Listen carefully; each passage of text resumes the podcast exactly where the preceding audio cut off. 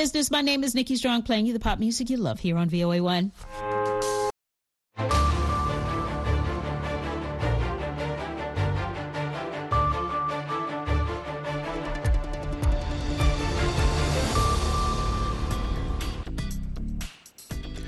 halkani waa washington lanta afka soomaaliga ee v o a oo aad ka dhagaysanaysaan mawjadaha gaagaaban efmida geeska afrika iyo caalamkao dhan oo aad nagala socotaan v o a somaly com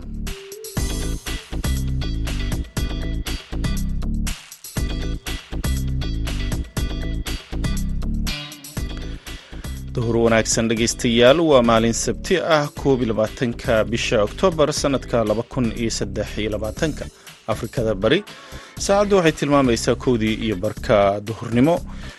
Barnaamijka dhallinyarada maantana waxaa idinla socodsiinaya anigoo ah cabdulqaadir maxamed samakaab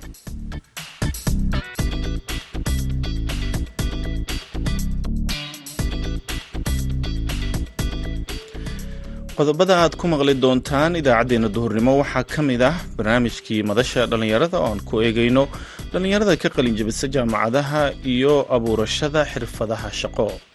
Dhihi karnaa maantay waxaa jira dhalinyaro badan oo qaarkood ay business abuureen qaarkood kalena idyaal wadanka looga baahnaa oo muhiima ku soo kordhiyeen.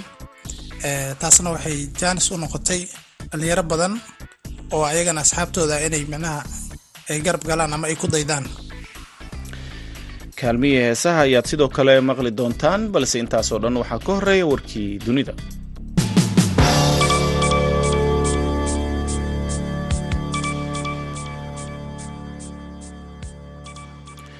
baabuurtii ugu horreysay ee sida gargaar bini-aadanimo oo isugu jira cunto dawooyin iyo biyo ayaa sabtida maanta ah bilaabay inay galaan gaza iyagoo ka gudbaya qeybta ay maamusho masar ee marinka rafax sawiro laga soo qaaday telefishinada ayaa muujinaya taraagiyo ku qulqulaya xuduudda dhinaca masar sida laga soo xigtay xamaas waxayna sheegeen in keliya labaatan gaari ay maanta galeen gaza kuwaasoo siday qadar xadidan oo gargaar ah. Gawaaridan ayaa ku sugnaa agagaarka marinka rafax dhowr maalin iyagoo sugayay in xuduudda la furo kolonyada gargaarka ee sabtida maanta ah ayaana noqonaya kuwii ugu horreeyey ee loo ogolaado in la geeyo gaza. Tan iyo markii kooxda xamaas ay weerar aan hore loo arag noociisa ku qaaday israel kaasoo ay ku dhinteen kun iyo afar boqol oo qof taasoona keentay ololaha duqeymaha ay israel ku qaaday gaza gargaarka maanta gaaray gaza ayaana imaanaya iyadoo qaramada midoobe ee jimcada ay ku baaqday in kolonyada gaadiidka si dhaqso ah loogu fasaxo inay dadka falastiiniyiinta ee sida aadka ugu baahan gaaraan. Kadib duqeymaha aan kala joogsiga lahayn ee israa'il iyo weeraradii ugu dhimashada badnaa oo weli halkaasi ka sii socda. Qaramada midoobe ayaana sheegtay in barakacyaal ka badan hal milyan oo ruux oo ka mid ah dadka ku nool gaza ay aada ugu baahan yihiin gargaar kuwaasoo xaaladooda ay ka sii darayso. Nawaas shariif oo saddex jeer oo hore ra'iisul wasaare ka soo noqday bakistan ayaa sabtida maanta ah dib ugu laabtay dalkiisa kadib afar sano oo musaafuris uu kaga maqnaa isagoo joogay london. Wuxuuna u diyaar garoobayaa dib u soo laabasho siyaasadeed ka hor doorashada madaxtinimo ee dalkaasi dalka ku yaalla koonfur bari asia ayaa wajahaya qalalaaso amni siyaasadeed iyo mid dhaqaale oo sii kordhaya ka hor doorashada bisha janaayo ee sanadka soo socda. Shariif oo maanta gaaray caasimadda islaamabad ayaa xalay sii sheegay inuu diyaar u yahay doorashada isagoo intaa raaciyey in dalkiisa oo loo baahnaa inuu horumar sameeyo uu dib u dhac sameeyey soo laabashadiisa ayaa imaanaysa iyadoo ninka ay sida aadka isu hayaan ee imraan qaan uu xabsi ku jiro laakiin siyaasiga ku caanbaxay ciyaarta krikitka ayaa weli shacbiyad ku leh bakistan kadib markii xukunka laga tuuray sannadkii hore. Dadka wax falanqeeya ayaa qaba in soo laabashada shariif ay u badan tahay inay ka dambeeyaan milatariga oo dagaal ku qaaday xisbiga qaan xukunkana ka tuuray sannadkii hore. Shariif oo afgembi xukunka looga tuuray sannadkii sagaaliyo sagaashankii ayaa ku laabanaya bakistan markii ugu horreysay tan iyo sannadkii laba kun iyo sagaal iyo tobankii. Dhegaystayaal warkeennii dunidana waa nageynta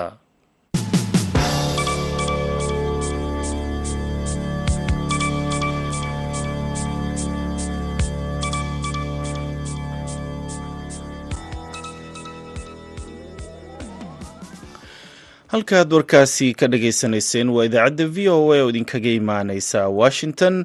Duhur wanaagsan mar kale dhegaystayaal haddana waxaad ku soo dhowaataan barnaamijkii madasha dhallinyarada waxaa soo jeedinaya oo muqdisho nooga soo diyaariyey cabdicasiis axmed barrow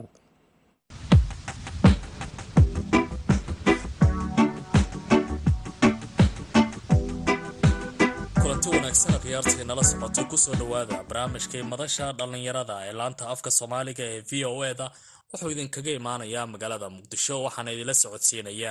Anigoo cabdilcasiis barrow ah guud ahaanna waxaan uga hadli doonaa dhinaca suuqa iyo ganacsiga iyo weliba kaalinta dhallinyaradu ay ku leeyihiin magaalada muqdisho ee caasimada soomaaliya sanadihii ugu dambeeyey waxaa ka jiray fursado ganacsi iyo hal abuuro kala duwan oo la soo bandhigayay. Tartanka dhinaca suuqa iyo ganacsigaba waxaa qayb ka ahaa dhallinyaro fara badan kuwaasi oo ka soo baxay jaamacadaha dalka.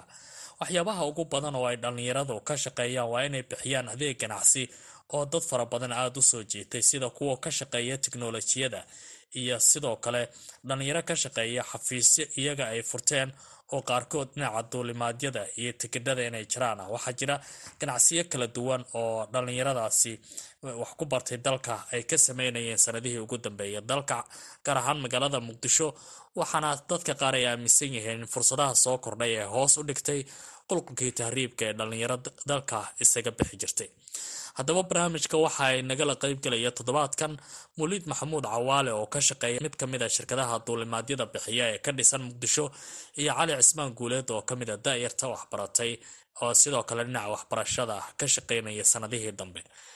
Dhammaantiin ku soo dhawaada barnaamijka dhallinyarada muliid maxamuud cawaale ayaan ku bilaabaya.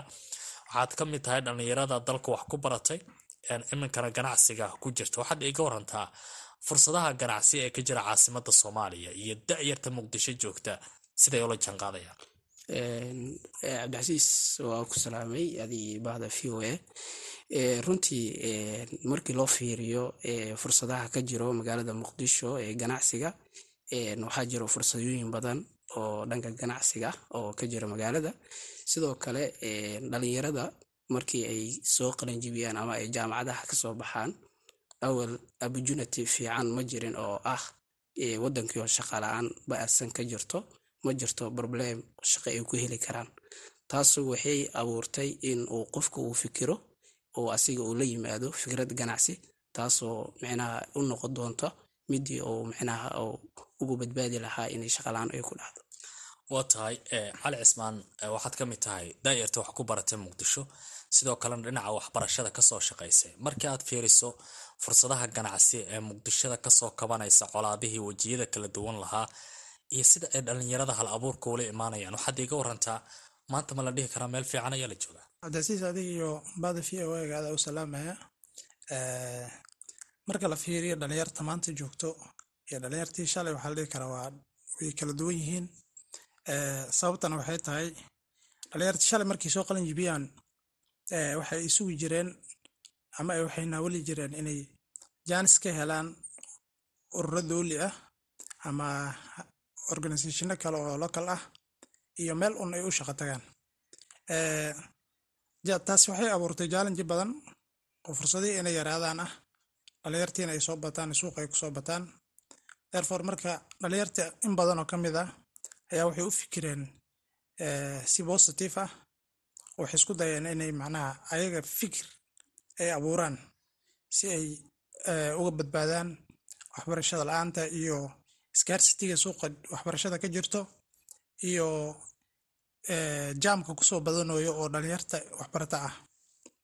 Therefore waxaan dhigi karnaa maantay waxaa jira dhalinyaro badan oo qaarkood ay business abuureen qaarkood kalena idyaal wadanka looga baahnaa oo muhiima ku soo kordhiyeen. Taasna waxay jaanis u noqotay dhalinyaro badan oo ayagana asxaabtooda inay micnaha ay garab galaan ama ay ku daydaan. Qaar ka mid ina ayaga ay u noqdaan garab oo isla markaas shaqa la'aantan ay uga badbaadaan.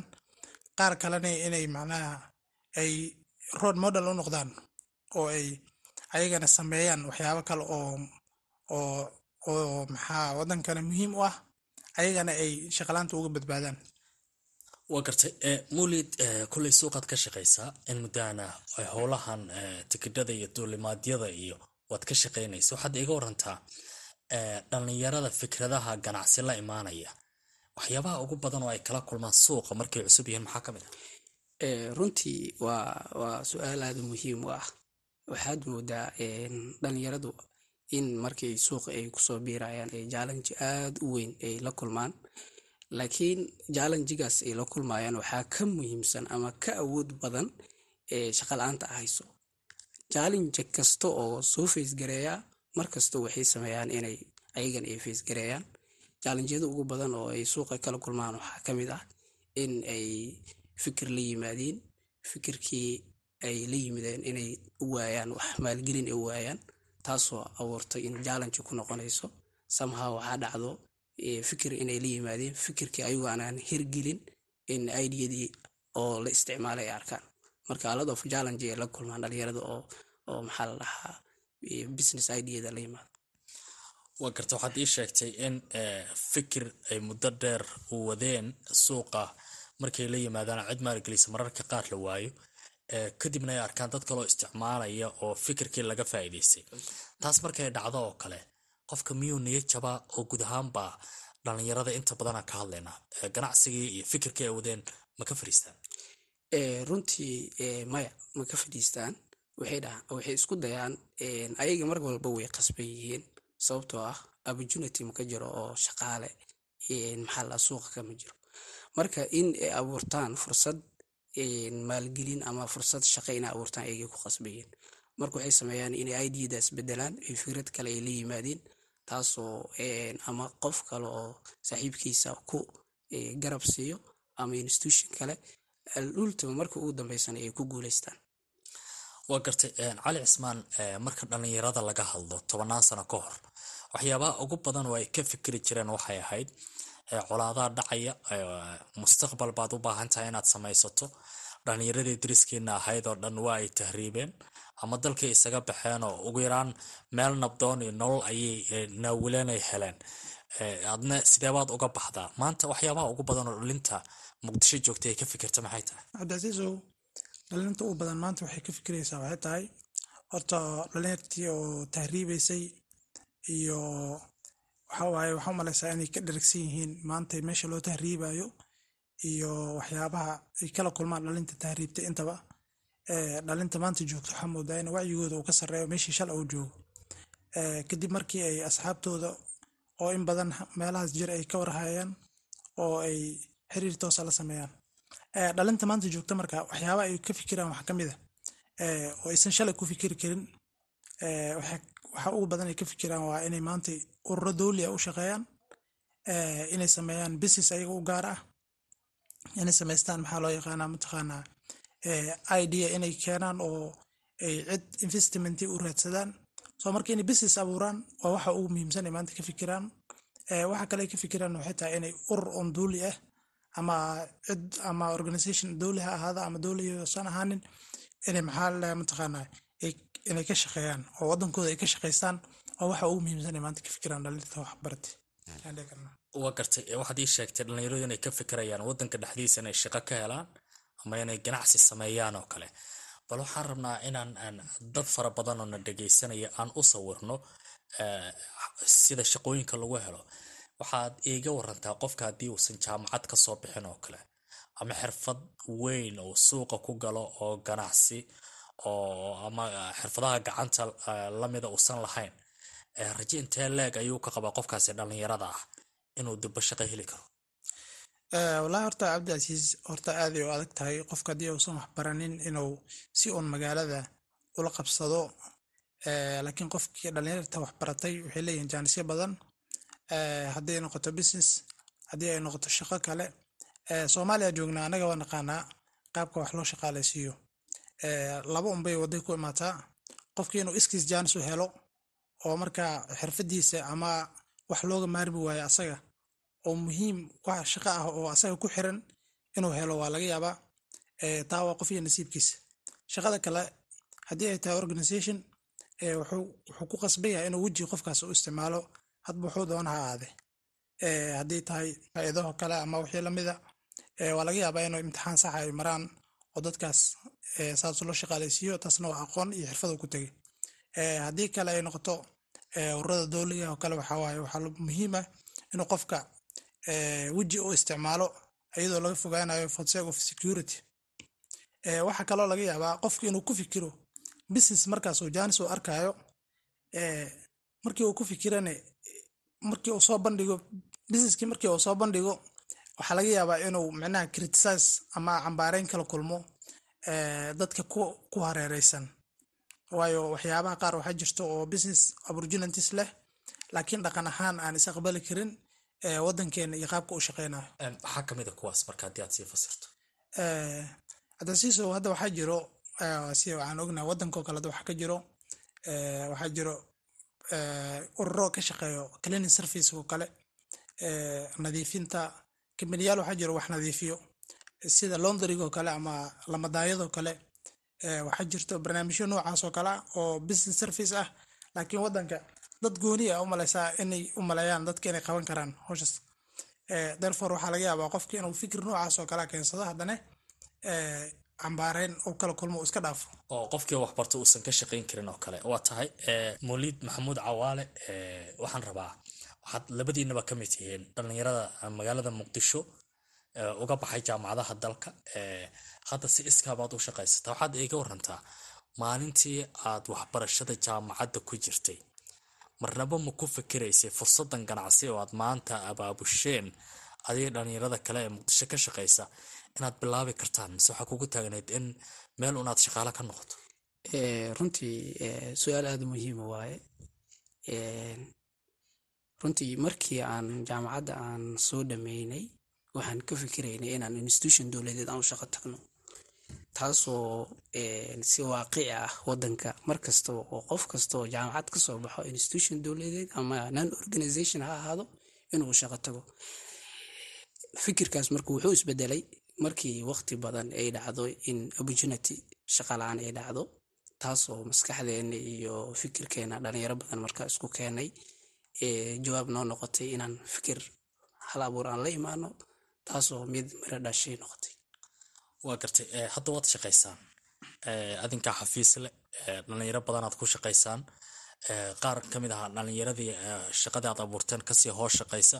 Waxaad iga warantaa markii aad aragtaan business aad adinka samaysaan ama ganacsi aad abuurteen oo hirgalay oo shaqaynaya oo dhaqaala aad ka samaynaysaan maxaad dareentaan shaqsiyan runtii waxaan dareynaa maalintii aan jaamacadda aan ka soo aan soo dhammaynay taasoo fikirkii aan maalintaas aan ku fikiraynay iyo maantii fikirada waxa u dhexeeyo runtii waa dareemi kartaa waxaan dareemaa in ay jirto weli fursad dhalinyarada jaamacadaha ka soo baxayo fursadaasoo ah in business idea ay la yimaadiin oo ayaga ama investment u raadsadaan ama ay sameeyaan combanin inay isku yimaadiin ay fun rising ay ayaga dhexdooda samaystaan businesskaasna ayaga ay maalgashtaan. Runtii waxay ugu maarmi doonaan in ay shaqalaan ku dhacdo in niyajab ay kala yimaadeen maxaa la dhahaa maadaama ay dhalinyaro waxbartay ay yihiin oo fursad wadankii ka waayay taasna niyajab ay ku samayso. Taas ayay igu maarmaan. Dhinaca caliyaan mar kale jaleecaya cali waxaad muddo ka shaqaynaysa dhinaca waxbarashada oo kale. Waxaad iiga warantaa dhalinyarada ka soo baxaya jaamacadaha dalka. Marka laga yimaado kuwa maadooyinka cilmiga ah iyo ganacsiga iyo maamulka iyo maareynta baranaya marka laga soo tago mis leedahay fursadaha ganacsiga muqdisho ka jira. Waxaa muhiim ahayd in la helo dhalinyaro farsamada gacanta barata oo ganacsi suuqa ku soo kordhisa. Walaa cabdicasiisow fursadaas aad iyo aaday muhiim u tahay. Inkastoo hadeertan ay jiraan meelaha qaar oo lagu barto xirfadda gacanta laakiinse technicalka had jeer aad uu muhiim u yahay waa qofka waa shayga aan looga maarmin qofka. Qofka hadduu sidiisa xirfad leh uu yahay xirfaddiisa waa loo baahan yahay.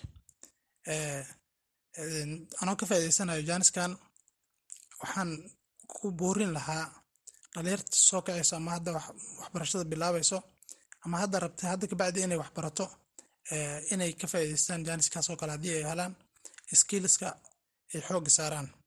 Waayo skillska wuxuu ka mid yahay waxyaabaha qofka haddii uu barto uu shaqo ku helayo. Taa bedelkeeda weli jaanisa u furan arda dhalinyarta kale oo waxbartay oo maadooyinka kaleo cilmiga bartay waxay doonaanba ha ahaadaane qofku mar haddii uu wax barto wuxuu leeyahay weli jaanis uu leeyahay uu kaga faa'iidaysan karo filliga uu barto ku dabaqi karaa waxaa kaloo ku dabaqi karaa waxyaabo kale oo oo filligiisa aanan ahayn laakiin aqoon ahaan maxaa mataqaanaa jaanis oo kaga faa'iidaysan karaa.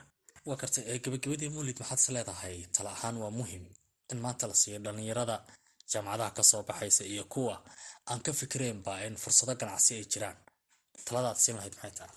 Runtii talada aan sii lahay waxaa ka mid ah in la fahansiiyo dhalinyarada orientation loo qabto ah intuu qofka shaqo raadsan lahaa inuu asi shaqada abuurto taas talada ugu muhiimsan oo la sii lahay dhalinyaradu ah sidoo kale waxaan kaloo ku dari lahaa in jaamacadaha dhalinyarada ka soo baxayo in laga dhiso dhanka skiliska waxaad moodaa xirfadaha gacanta oo kale runtii waxaad moodaa dhalinyaradii dambe sanadihii dambe jaamacadaha ka soo baxayay inay ku yartahay fursadaha maxaa la dhahaa skiliska ama farsamadaha gacanta inay aada ugu yartahay farsamada gacanta waxay ka saacidaysaa qofka shaqo kasta oo technical ah inuu shaqadaas gacantiisa ku qabsado waana shaqada ugu badanoo hadda waddanka taal.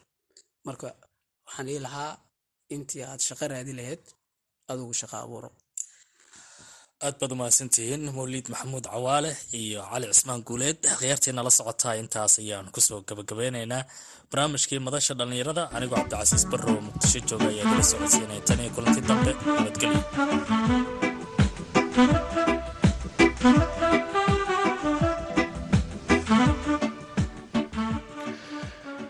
aad ayuu u mahadsan yahay cabdicasiis axmed barrow oo nala socodsiinayey barnaamijkii madasha dhallinyarada isagoo ku sugan magaalada muqdisho.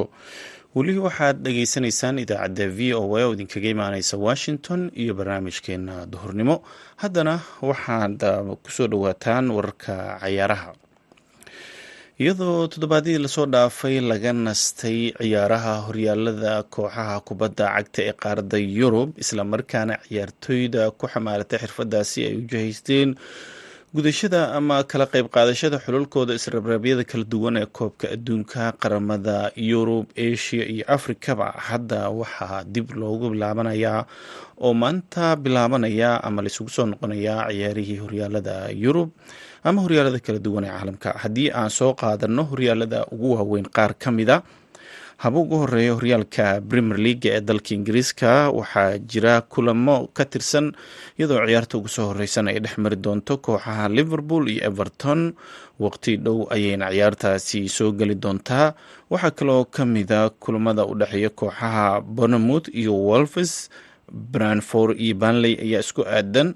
Sidoo kale kulamada dhacayana waxaa ka mid a ciyaarta u dhexeysa kooxaha manchester city iyo brantford labada tababare ee kala hogaamiya city iyo brantford ee guardiola iyo dezerbia ayaana waxaa la sheegaa inay yihiin isku qaab ciyaareed. Kulankaas ayaana loo taageerayaal badan ama dadka baahda ciyaaraha xiiseeya ay rajeynayaan in kubad qurux badan oo ilqabad leh labada kooxoodba ay soo bandhigaan. Marka loo fiiriyo kooxaha kale labadan kooxood ayaa ah ilaa iyo hadda kuwa ugu baasaska badan horyaalka premier leaga iyo marka ay noqoto kubad haysashada newcastle united waxay la ciyaari doontaa kooxda crystal palace nottingham forest iyo waxaa isku aadan luton town halka kulanka ugu adag kulamada toddobaadka uu dhex marayo labada kooxood ee london ka wada dhisan ee chelsea arsenal. Kulankan ayaa si weyn ilaah loogu hayaa chelsea ayaa kulankan wuxuu u noqonayaa tijaabo weyn iyada iyo tababaraheeda cusub ee bocotino halka tababare artetana uu doonayo inuu ku sii inuu markaasi hogaanka premier leaga qabto. Manchester united oo uu xaalka ku xun yahay waxay la ciyaari doontaa kooxda kale ee shevel united dhinaca laliigahana real sociedad iyo mayorka ayaa isku aadan khataaf iyo real batis ayaa isku aadan sevilla iyo real madrid ayaa is arkaya maanta. Waana kulan weyn maadaama sergi ramos oo kabtankii hore ee real madrid uu booqanayo kooxdiisa isagoo hadda u ciyaaraya kooxdii lagu bartay ee markii hore laga iibsaday saltavigo iyo villadolid aan idhaahdee atletico madrid ayaa isku aadan.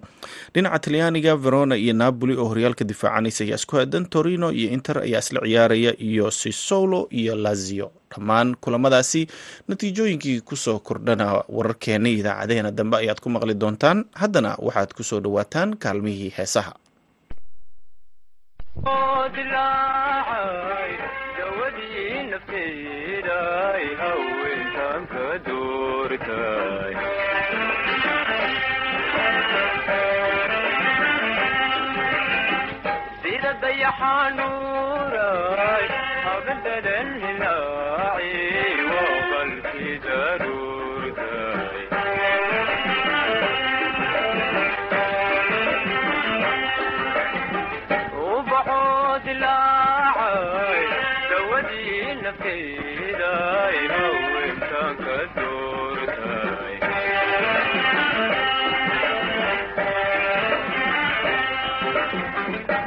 ضيحه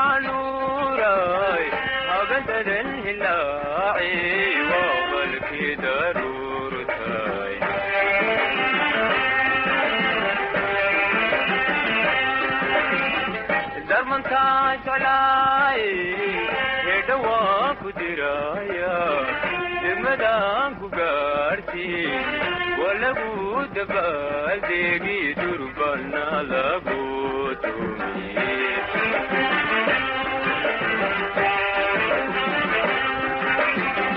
darmataa jeclaay hedhawaan ku diraaya demadaan ku gaadhsi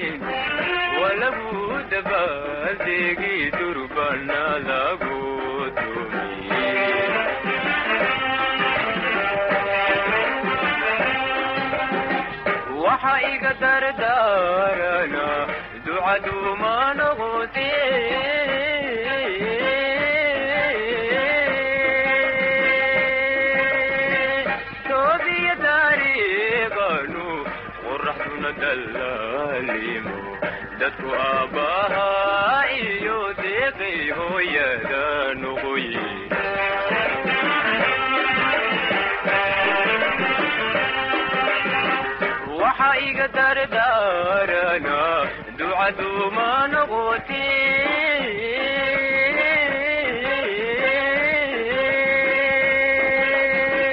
toobiya dariiqanu qoraxduna dallaalimo dadku aabbaha iyo deeqay hooyadanu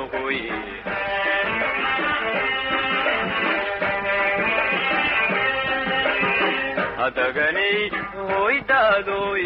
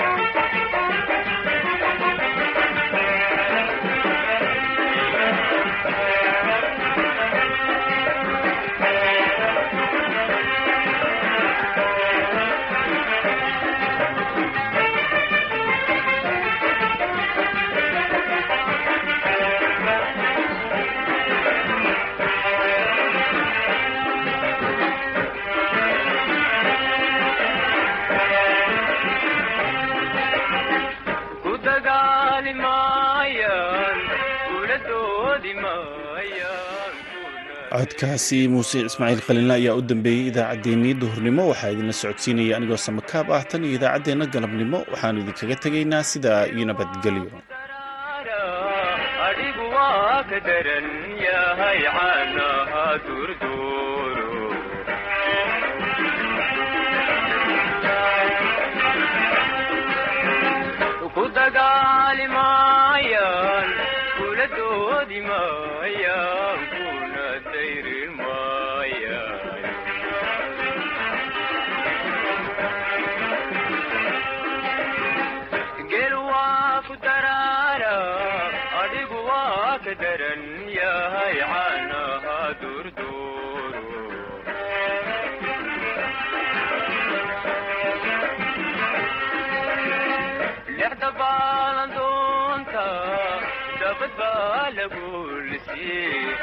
doqoyaan lagugu odhan dudmayaan laga garan awrta dabarkala